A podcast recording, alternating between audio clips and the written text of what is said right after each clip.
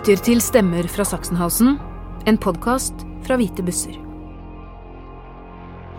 Og det var forferdelige forhold. Det var, det var kaldt, vi var dårlig kledd. Vi hadde dårlig med mat. Vi, og det døde. Det døde den ene etter den andre.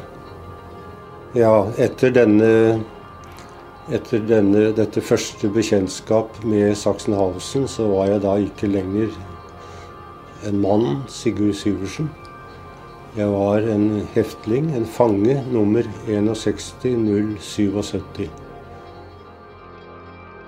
Denne episoden handler om Sigurd Syversen. Jeg heter Karine Næss Frafjord, og intervjuet du nå skal få høre, ble tatt opp i 1998. Sigurd var født i 1921 og døde i 2016, 95 år gammel. Sigurd Syversen distribuerte den illegale avisen Fri fagbevegelse i Oslo, og ble arrestert i mars 1942. Han satt på Møllergata 19 før han ble overført til Grini. Derfra ble han sendt på transport til Sachsenhausen. Her forteller han om sitt første møte med leiren. Vi marsjerte da gjennom den porten som hvor det står 'Arbeit makt, frei'. Og det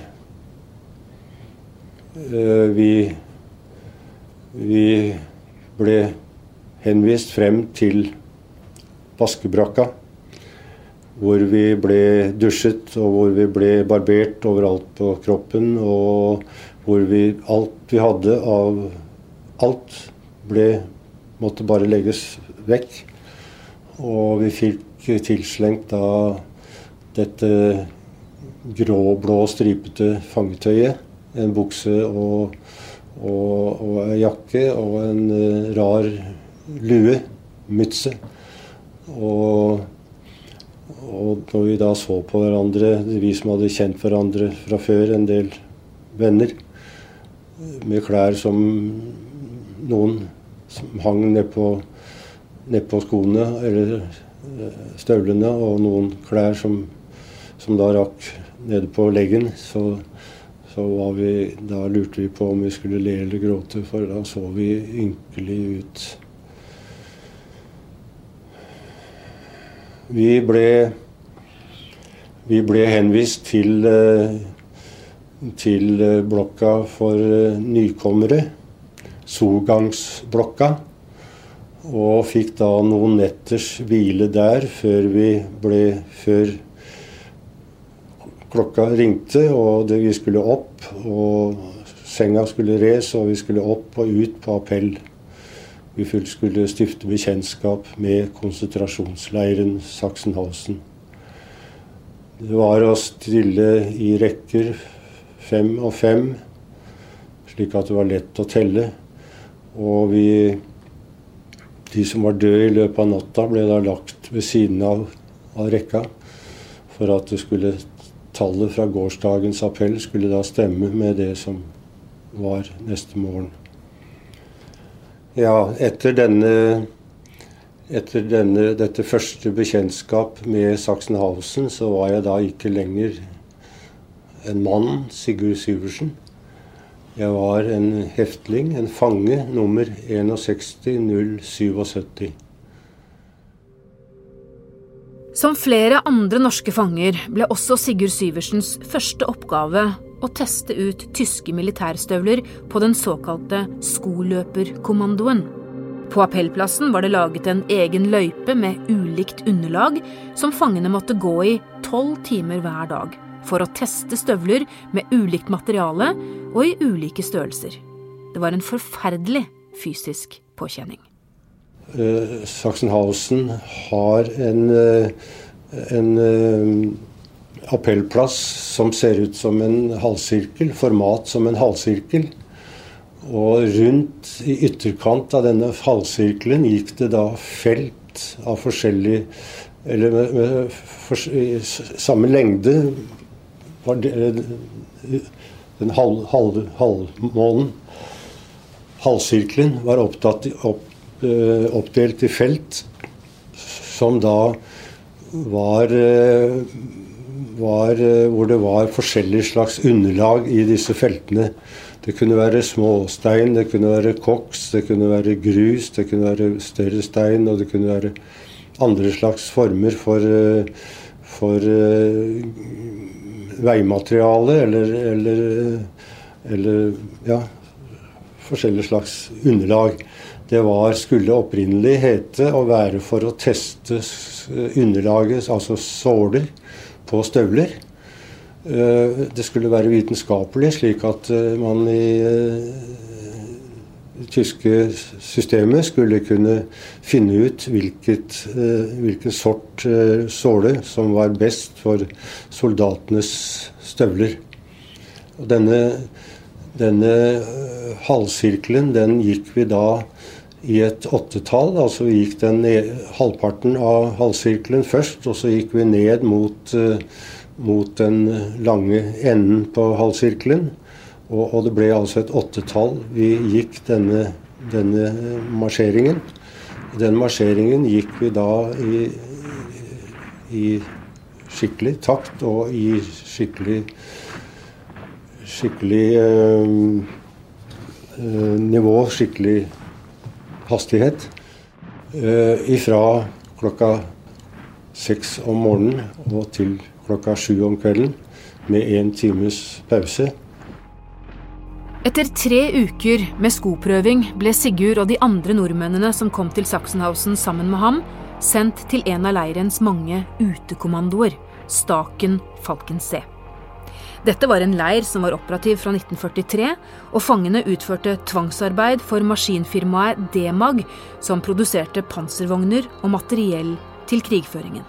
Og det var forferdelige forhold. Det var, det var kaldt, vi var dårlig kledd, vi hadde dårlig med mat. Vi, og det døde.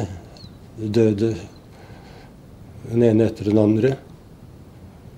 Eh, vi var i løpet av, av 43 så var vi redusert Det var 70 av Altså ca. en tredjedel som var døde av oss, av, av nordmenn.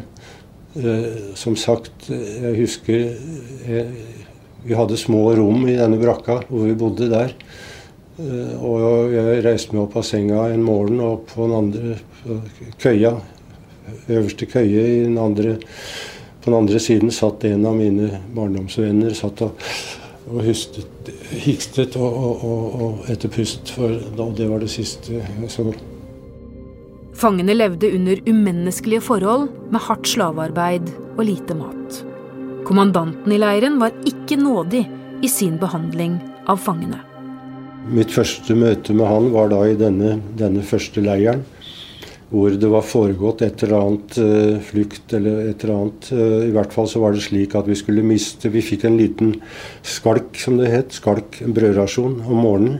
I tillegg til den rasjonen vi fikk om ettermiddagen. De som arbeidet, fikk den. Og, men uh, som straff for et eller annet så skulle vi ikke, ikke få den. Og blokkelteste, altså blokk,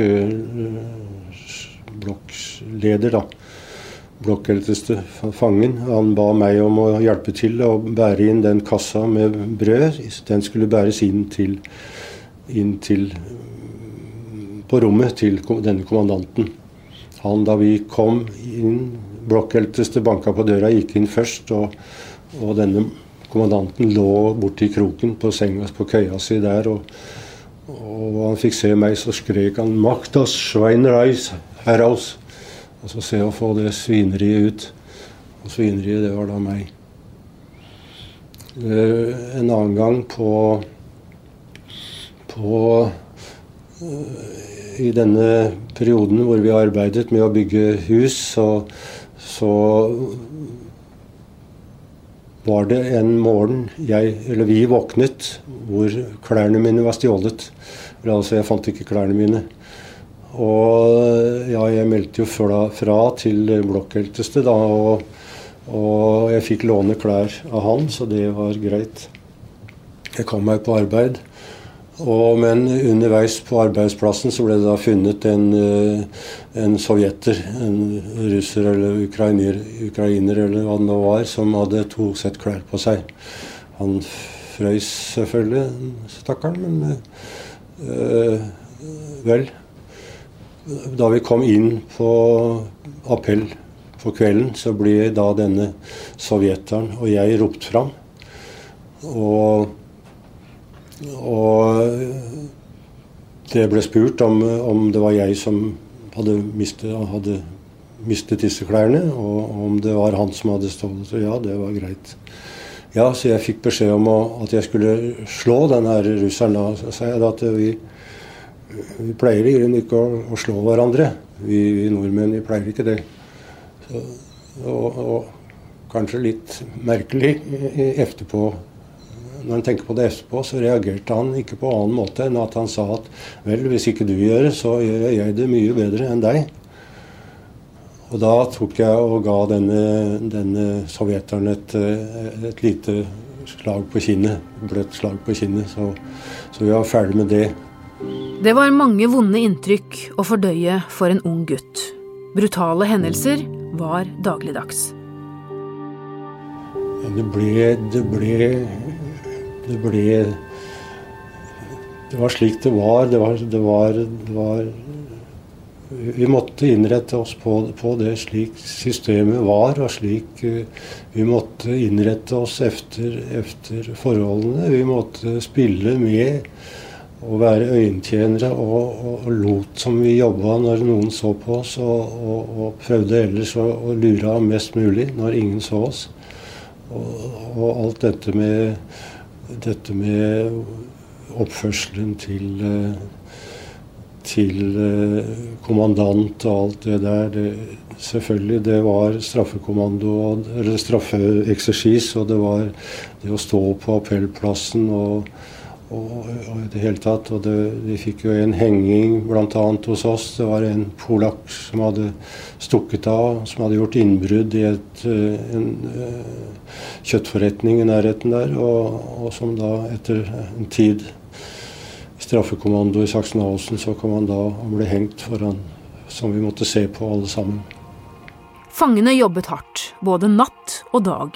Men jo sykere og svakere fangene ble, jo mindre klarte de å arbeide effektivt for Demag, selskapet som leide fangene av SS. Når vi, når vi, da hadde vært på nattskift og kom hjem til leiren, så var det stadig vekk så var det straffeeksersis, og så var det finne, ble det funnet på arbeid som vi skulle gjøre, og så ble, det, ble vi plaget på Vi fikk ikke uh, være i fred. Og når da disse sivile formennene i fabrikken krevde mer at vi måtte vi måtte produsere mer, så sa vi at vi kan ikke produsere mer når når forholdene er sånn som de er. Vi får ikke fred om natta, vi får ikke, eller vi får ikke fred om dagen når vi, når vi skal ha, ha fri. Og, og, vi får ikke mat nok, og vi får ikke Og, og dette var nokså var noe som alle Det var jo nokså vanlig at man sa uh, Nicht essen, nicht, nicht arbeid, heter. Altså ikke mat, ikke arbeid. Så, så, dette var noe som eh, alle mer eller mindre uh, brukte da. Og da, dette ble da brukt overfor disse sivile. Og dette ble da brakt faktisk til topps i dette firmaet, som da som da uh, ga beskjed inn til Sachsenhausen. SS fikk altså kniven på strupen fra selskapet Demag, som betalte for å bruke fangene som slavearbeidere. De ville ha den arbeidskraften de var lovet, ellers ville de ikke betale. Og det hjalp litt på forholdene i leiren. Og tyskerne etter hvert så begynte de å bli slappere og slappere. De begynte etter hvert, eh, våre arbeidsformenn, og, og de begynte å forstå at dette nærmet seg slutten. Og det gikk mer eller mindre i oppløsning etter hvert. Og, og ryktene om dette med Røde Kors og, og, og sånt, det, det, ble sterkere og sterkere. Flere og flere rykter kom. Og etter hvert, da vi nærmet oss Da vi nærmet oss eh, ja, over nyttår i i, i, i 45 da, så begynte da gruppevis begynte vi norske Og det var noen danske der også, i grupper, og sendt, begynte å bli sendt inn til Sachsenhausen. Jeg var i den siste gruppa pga. min eh, S i etternavnet. Og, eh, og da vi skulle, altså vi skulle, inn til Sachsenhausen, så fantes det ikke biler. De hadde nok med seg sjøl, tyskerne. Så vi måtte marsjere inn til Sachsenhausen. Det var en dagsmarsj, men det tok vi med godt humør, for vi skjønte etter hvert hva som var foran oss. Ryktene som verserte blant de norske fangene, viste seg å stemme. I all hemmelighet hadde den svenske greven Folke Bernadotte, som også var aktiv i Svensk Røde Kors, forhandlet med SS-sjefen Heinrich Himmler om at de norske fangene skulle hentes ut fra konsentrasjonsleirer av hvitmalte busser. Selve ideen til redningsaksjonen kom fra den norske diplomaten Nils Christian Ditleff, som var stasjonert i Sverige under krigen. Vi eh, kom inn til Sachsenhausen, og vi der, var der noen dager. Og en dag så fikk vi beskjed om å stille opp på appellplassen. Og at vi skulle marsjere ut av den porten hvor det sto 'Arbeid macht frei'. Den som vanligvis ikke noen skulle komme ut av. Vi kunne marsjere ut, og utenfor, utenfor det store leirområdet sto det hvite busser med rødt kors på taket. Med svenske flagg på sidene. Med en svensk sjåfør i soldatuniform. Og med en syke, svensk sykepleierske i hvitt som sto og tok imot oss. Og jeg har mange ganger prøvd å beskrive det. Men jeg har aldri kommet til noe annet enn at dette dette var engler som sto der og tok imot oss som, som mennesker. Bussene kjørte gjennom et bombet Tyskland, nordover mot Hamburg, ikke langt fra grensen til Danmark. Rett utenfor byen ble fangene samlet i leiren Neuengamme. Det var jo også en konsentrasjonsleir. Eh, den var ikke noe bedre enn Sachsenhausen, men eh, vi hadde jo den fordelen at vi, at vi hadde en viss beskyttelse av Røde Kors. Så jeg minnes ikke Neuengamme som noen konsentrasjonsleir i den sammenheng. Vi, det kom halvdøde gamle venner fra andre leirer. Kom jo da inn til samme leir. Mannlige fanger. Kom inn til Neuengamme. De ble samlet der. Og eh, den 20. mars 42 så, så begynte transporten. Da hadde Da hadde Bernadotte fått lov til å sende oss til Danmark, og det ble satt opp. Og Der var jeg også av de siste pga. min S i alfabet i, bak i etternavnet. Og det Det ble De, de mangla buss, og det ble snakk om at vi skulle gå. Nå, det ordna seg da etter hvert, men vi kjørte bare noen minutter, og de hadde nemlig ikke lov til å kjøre om natta, så, så da fikk vi beskjed på å å, bare gå ut i terrenget og legge oss. Og det, det var en følelse som, var, som, er vanskelig å beskrive. At vi gikk i, i løvet og bare la oss ned. Og, og følte oss jo fri, selv om det, selv om det var fangevoktere i nærheten. Men de betydde ikke noe for oss lenger.